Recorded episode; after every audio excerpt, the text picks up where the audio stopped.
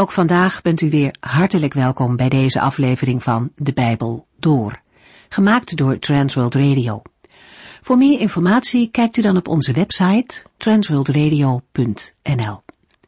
In deze serie gaat u in vijf jaar tijd met ons de Bijbel door, van Genesis 1 tot en met het laatste vers in Openbaring 22. Fijn dat u weer luistert. We lezen uit het boek Jezaja. Inmiddels zijn we toe aan het derde en laatste deel, dat begint bij hoofdstuk 56. Centraal in dit deel van Jezaja staat het herstel van Gods volk. Waar we in de voorgaande hoofdstukken al vaak verwijzingen hebben gezien naar de eindtijd, komen die in deze laatste profetieën nog minstens zo duidelijk naar voren. De komst van de Heere als rechter wordt al aangekondigd en ook over het nieuwe Jeruzalem wordt geprofeteerd. In de eerste verse van Jesaja 56 lezen we over de vreemdelingen, de niet-Joden, die zullen komen om zich bij de Heere aan te sluiten.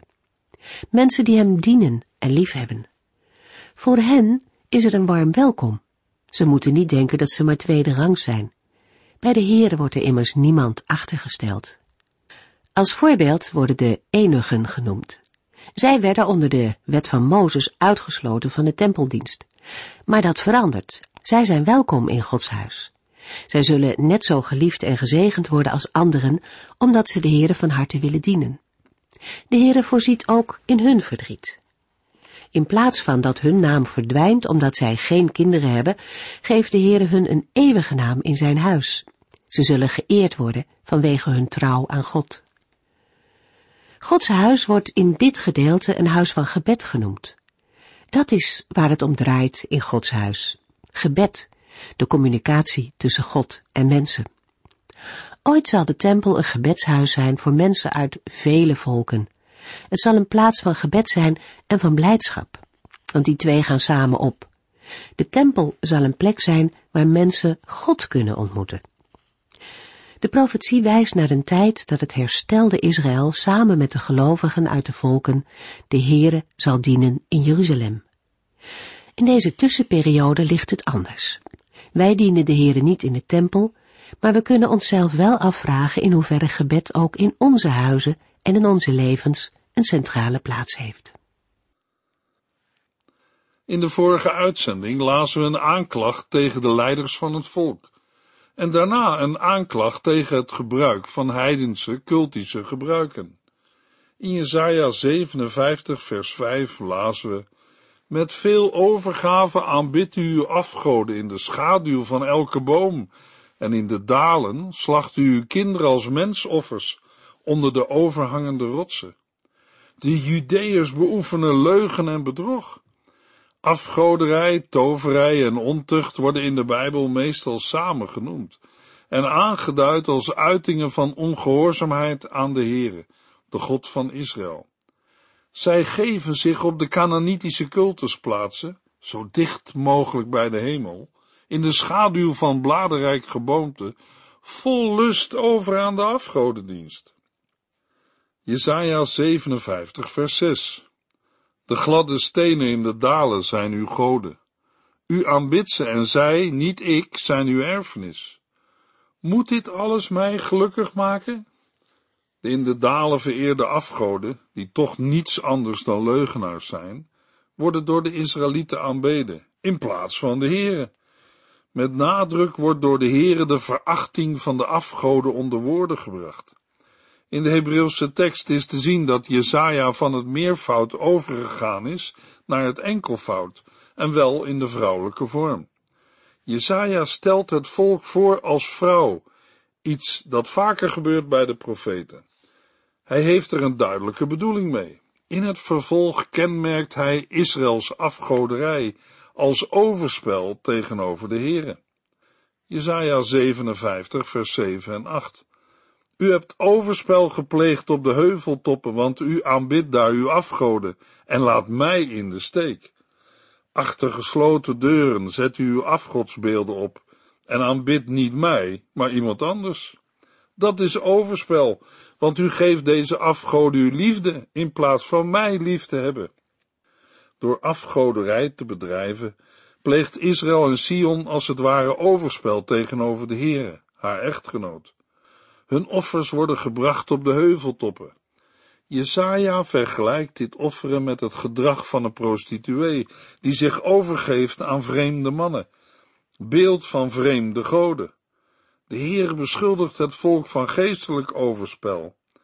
Het overspel of de prostitutie is vooral een beeld van de koningen van Juda, die met geschenken politieke hulp zoeken bij de buitenlandse volken en hun goden. Daarvoor zijn ze bereid de Heere de rug toe te keren. Maar daar blijft het niet bij. Jesaja 57 vers 9 en 10. U bracht geurig reukwerk en parfum als geschenk naar Moloch. U hebt ver gereisd, zelfs naar het dodenrijk, om nieuwe goden te vinden van wie u kon houden. De aangeklaagden slachten hun kinderen als mensoffers aan de Moloch. Elders in het Oude Testament worden verschillende koningen genoemd die als een soort wanhoopsdaad in tijden van grote nood hun kind offerden.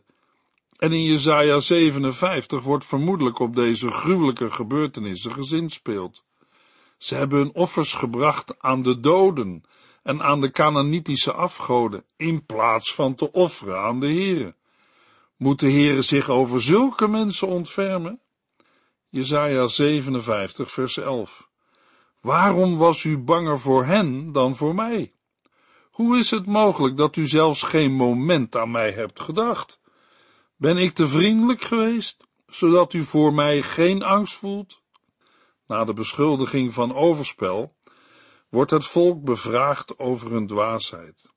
Waarvoor zijn ze eigenlijk bang? Voor dreigingen van de buurvolken en hun goden? Maar dat kan alleen als zij de Heere zijn vergeten en hem niet langer met respect eren. Zeker, de Heer had zich wel geruime tijd stil en verborgen gehouden, maar rechtvaardigt dat hun gedrag? De woorden van vers 11 onderkennen periodes waarin de Heere wacht met het beantwoorden van gebeden om hulp en waarin hij zijn aangezicht verbergt. Juist dan is het voor een gelovige van belang de Heere te verwachten, in plaats van uit ongeduld en ongehoorzaamheid alternatieven te zoeken. Jesaja 57 vers 12 en 13a. En dan zijn daar uw gerechtigheid en uw goede werken, maar die zullen u niet redden. Laten we maar eens kijken of uw hele verzameling afgoden u kan helpen als u schreeuwt om hulp. Ze zijn zo zwak dat de wind ze zonder moeite wegblaast. Ze tuimelen al om van een ademtocht. Op ironische wijze daagt de Heer zijn volk uit hun verzameling afgoden te hulp te roepen. Veel moeten zij er niet van verwachten, want bij het zwakste zuchtje wind vallen ze om. Het feit dat afgoden weggeblazen worden door een zuchtje wind, maakt dat ze erg lijken op de heersers van de wereld, die door de heren worden weggeblazen als kaf.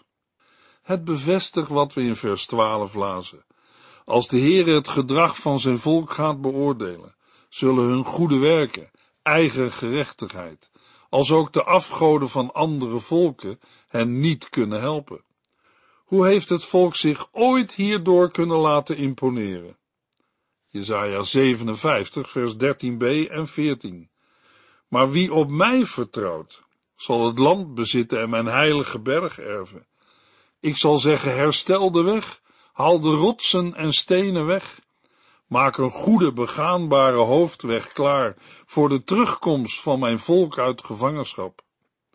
De profeet Jezaja spreekt namens de Heere niet alleen oordeel uit, hij mag ook wijzen op een uitweg. Voor wie bij de Heere schuilt, geldt onverminderd de oude landbelofte en de uitnodiging tot Gods heilige berg. Gebruikmakend van eerdere woorden, vooral uit Jesaja 40 vers 3, klinkt de oproep de terugkeer te realiseren. In Jesaja 40 vers 3 wordt de weg gebaand voor de Heere. In Jesaja 57 vers 14 voor het terugkerende Israël. En in Jesaja 62 vers 10 voor de volken. Haal de rotsen en stenen weg, of verwijder elk struikelblok, lijkt een parafrase van Jesaja 40 vers 4. In Jesaja 40 zijn de obstakels, die uit de weg moeten worden geruimd, vermoedelijk niet zozeer politieke obstakels, maar vooral de zonden van het volk. Tijdens de ballingschap worden als obstakel genoemd geld, afgoden en zondige mensen. Net als in het visioen van Jesaja 6 stelt de Heer zich hiervoor als hoog verheven en heilig. Dat geeft extra nadruk aan wat gaat komen. Jesaja 57 vers 15 De hoge en doorluchtige, die de eeuwigheid bewoont, de heilige, zegt, ik leef in die hoge en heilige plaats, maar ook bij ieder die berouwvol en nederig is. Ik verfris de nederigen en geef nieuwe moed aan mensen met een berouwvol hart. Met deze woorden wordt ook een verschil gemaakt tussen Gods verhevenheid en de verheven heuveltoppen, waar afgoderij en overspel worden bedreven. De bron van redding en verlossing, als ook de toekomstige heerlijkheid, is de Heere. Hij geeft nieuwe moed aan mensen met een berouwvol hart. Dat de Heere dit alles kan geven, blijkt uit de namen die hij noemt. De hoge en doorluchtige wijst op zijn goddelijke majesteit. Hij zit op zijn troon, zo is hij zelf, degene die eeuwigheid bewoont. Hij is niet aan de wisselvalligheden en veranderingen van het aardse leven onderworpen. Hij is de heilige, een naam waarin zijn goddelijke verhevenheid boven het schepsel en ook zijn afgescheiden zijn van de zonde wordt uitgedrukt. Deze hoge en doorluchtige Heere spreekt een woord, waarin hij al de rijkdom van zijn genade samenvat. Hij woont bij de verbrijzelden en nederigen van geest, om de geest van de nederigen en het hart van de verbrijzelde te doen opleven en nieuwe moed te geven. Wat een vrede en veiligheid is er voor wie de Heere toebehoren. Hoewel de Heere verheven is en in de eeuwigheid woont, is hij verheven boven plaats en tijd. Woont hij ook bij verslagenen en verdrukten om hen nieuwe moed te geven. Jezaja 57, vers 16 tot en met 19. Want ik zal niet altijd tegen u vechten, nog voor altijd mijn toorn op u loslaten. Als ik dat deed, zou de hele mensheid verdwijnen. Mensen die ik zelf gemaakt heb. Ik was boos en sloeg deze begeerige mensen neer. Maar zij gingen gewoon door met zondigen en deden alles wat hun zondig hart wilde. Ik heb gezien wat ze doen, maar toch zal ik hen genezen. Ik zal hen leiden en troosten en helpen met berouw hun zonde te beleiden. Vrede, vrede voor hen, dichtbij en veraf, want ik zal hen allemaal genezen. Aan de verdrukking van Israël komt een einde. De Heere blijft niet straffen. Bij het woord vechten moeten we denken aan het voeren van een juridische strijd. In vers 16 is het een beeld voor het rechtmatige voltrekken van een vonnis. Het vonnis is rechtvaardig, maar de Heere zal het toch in tijd beperken, zodat de schuldigen hun leven niet verliezen. Dat Gods straf niet het laatste woord is, vinden we ook in andere Bijbelgedeelten. Hun winstbejag en begeerte zetten de Heer ertoe aan te straffen en zich verborgen te houden, maar dat bracht niemand tot inkeer. Zij gingen gewoon door met zondigen. Nu gaat de Heere hen genezen, leiden en troosten wie treuren. Gods belofte lijkt gericht tot zondaren op hun dwaaltocht. Genezing van het hart is een vaker gehoorde belofte die betrekking heeft op vergeving van schuld of op herstel van innerlijke wonden en verdriet. De Heere zal zijn volk, dichtbij en ver weg, woorden van dank en lofprijzing geven. In de Hebreeuwse tekst lezen we daarbij de toevoeging als vrucht van hun lippen. Een mens, door de Heere gered, krijgt van hem de mogelijkheid om nieuwe woorden als vrucht van zijn of haar lippen door te geven aan anderen. De nieuwe woorden zijn Gods vredeswoorden die hier als vrucht van de lippen worden beschreven.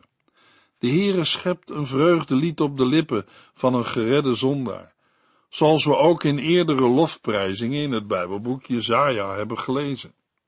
De vrucht van de lippen duidt ook op de dankwoorden die iemand spreekt na uitredding. De Heer is de enige die vrede kan geven in een menshart. Geef hem daarvoor de eer.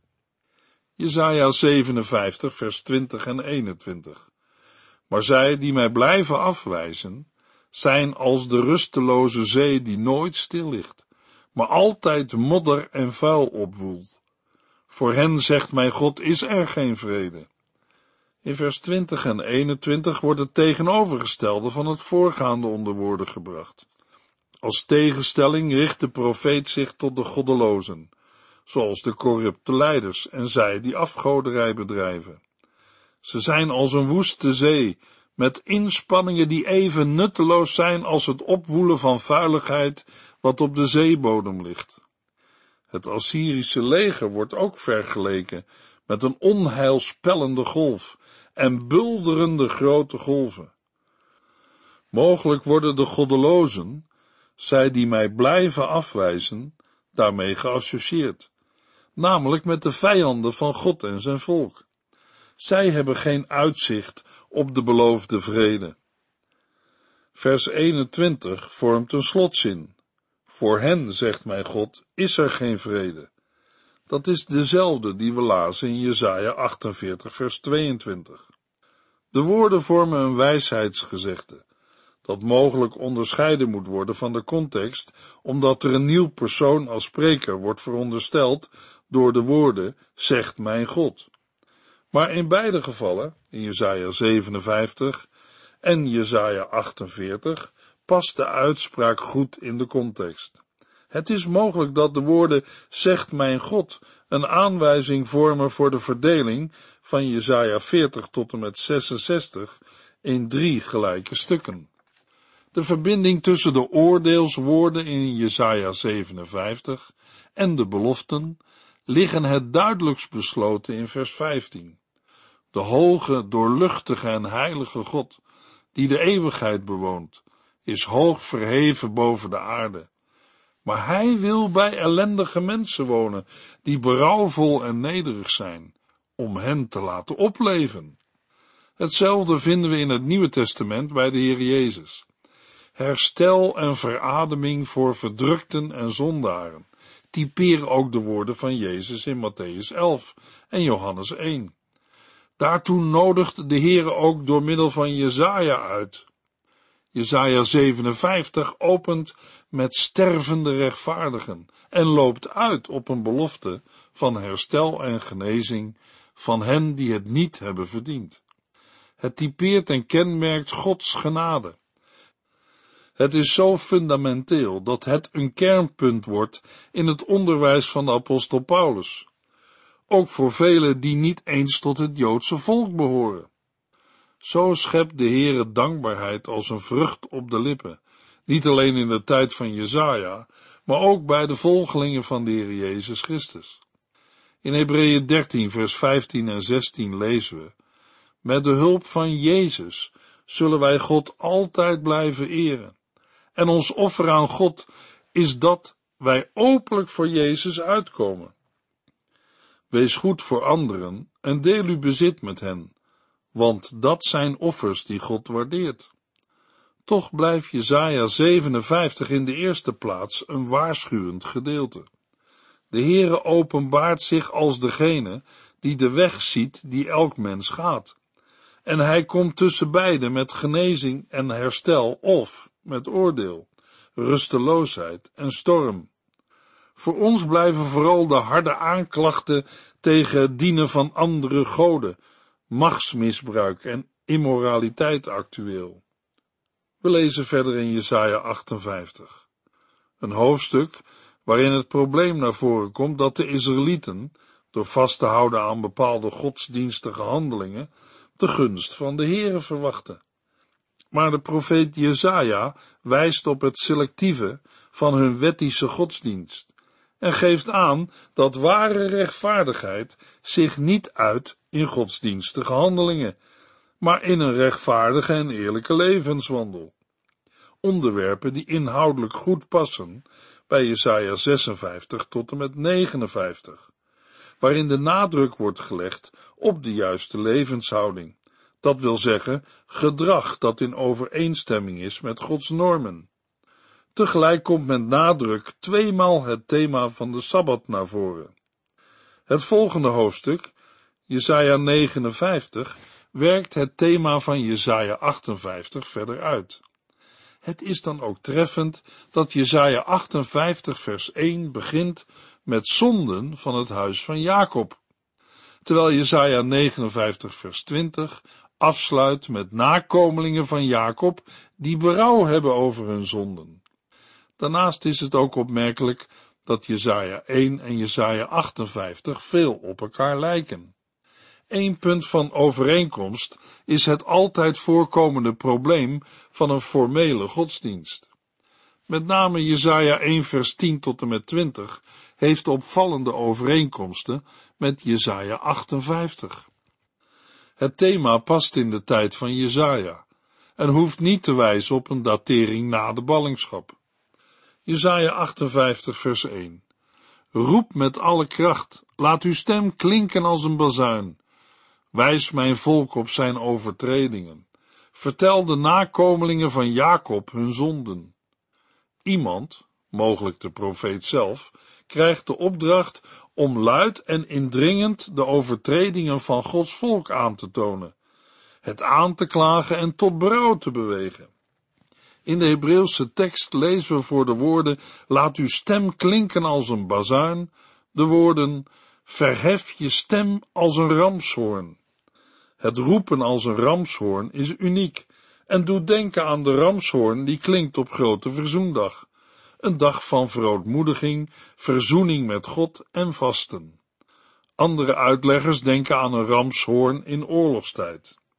Jezaja 58 vers 2 Wat zijn ze toch vroom! Ze komen elke dag naar mijn tempel en luisteren graag naar het voorlezen van mijn wetten net alsof zij eraan gehoorzamen, alsof zij de geboden van hun God niet verachten. Wat doen ze hun best hun godsdienst correct te bedrijven.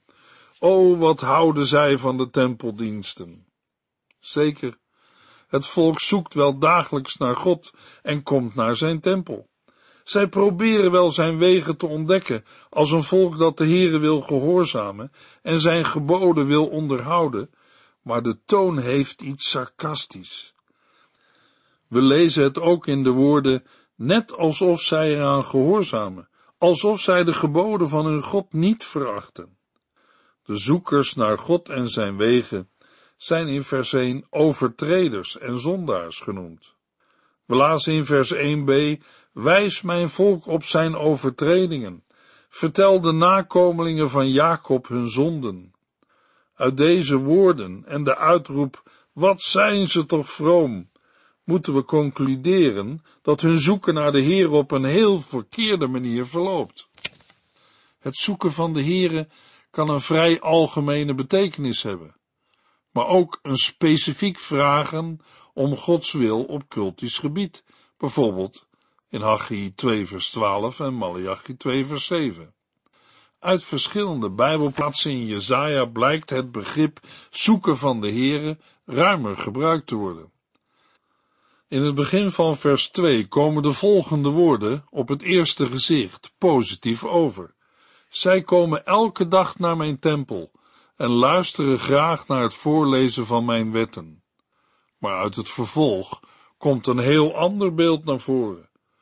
Een mens kan in uiterlijke dingen een ware gelovige lijken, maar dat wil nog niet zeggen dat het ook zo is. Het is mogelijk mee te doen met godsdienstige gebruiken, terwijl de motivatie helemaal niet geestelijk is. Een orthodoxe liturgische praktijk garandeert geen persoonlijke ontmoeting met de Heer. In het Nieuwe Testament zegt de Heer Jezus in Matthäus 7, vers 21 tot en met 23, Niet alle mensen die Heere tegen mij zeggen, komen in het hemelse koninkrijk want daar komt u alleen als u doet wat mijn hemelse vader wil. Op de dag van het grote oordeel zullen velen tegen mij zeggen, Heere, we hebben in uw naam geprofeteerd. Heren, wij hebben uw naam gebruikt om duivelse geesten te verjagen en wonderen te doen. Maar ik zal hun antwoorden, ik heb u nooit gekend, ga weg. U bent slecht en hebt alleen maar uw eigen zin gedaan. De Heer Jezus spreekt over het binnengaan in het toekomstige koninkrijk. In de context van Matthäus 7 ligt het voor de hand dat de Heer in de versen 21 tot en met 23 mensen op het oog heeft die oneigenlijk in zijn naam hebben gehandeld. Op zich genomen zou het namelijk om mensen kunnen gaan die Jezus eerbiedig met Heere aanspreken, om daarna een dringend verzoek aan hem te doen om genezing, zoals in die dagen zo vaak gebeurde. Maar een dergelijke relatie is niet voldoende om het koninkrijk van de hemel te beërven. Wat het doen van de wil van de Vader inhoudt, heeft de heiland uitvoerig besproken en uitgelegd in de bergreden, in Matthäus 5 vers 13 tot en met 7 vers 12. Het is tegen deze achtergrond dat we de klacht van het volk in Jesaja 58 vers 3 moeten plaatsen. Jesaja 58 vers 3 We hebben voor u gevast, zeggen zij. Waarom bent u niet onder de indruk? Waarom ziet u onze offers niet? Waarom luistert u niet naar onze gebeden? We hebben onszelf goed onderzocht en ons vernederd, maar u ziet het helemaal niet. Ik, de Heere, zal u vertellen waarom. Omdat u zelf onder het vasten nog bezig bent met verkeerde zaken en uw arbeiders opjaagt. Voordat de Heere gaat zeggen wat hij van de praktijk van de godsdienst van zijn volk vindt, wordt er eerst een vraag van het volk naar voren gebracht. Uit die vraag blijkt dat de Israëlieten met hun vasten de hulp van de Heere wilden ontvangen. Het vaste zonder meer zagen zij als een middel om de Heere gunstig te stemmen. In de volgende uitzending lezen we verder over het vasten in Jesaja 58 vers 4. U heeft geluisterd naar De Bijbel Door, in het Nederlands vertaald en bewerkt door Transworld Radio. Een programma waarin we in vijf jaar tijd de hele Bijbel doorgaan. Als u wilt reageren op deze uitzending of u heeft vragen, dan kunt u contact met ons opnemen. Tijdens kantooruren kunt u bellen op 0342 47 8432. 0342 47 8432. Ook kunt u een e-mail sturen naar de Bijbel door transworldradio.nl en natuurlijk kunt u ook via de post ons bereiken. TWR, postbus 371, postcode 3770, AJ in Barneveld. Dit programma werd gepresenteerd door Cor Weda en Ike André. Techniek was in handen van Odin van Voerkom. En wij allemaal bedanken u voor het luisteren. Graag tot de volgende keer.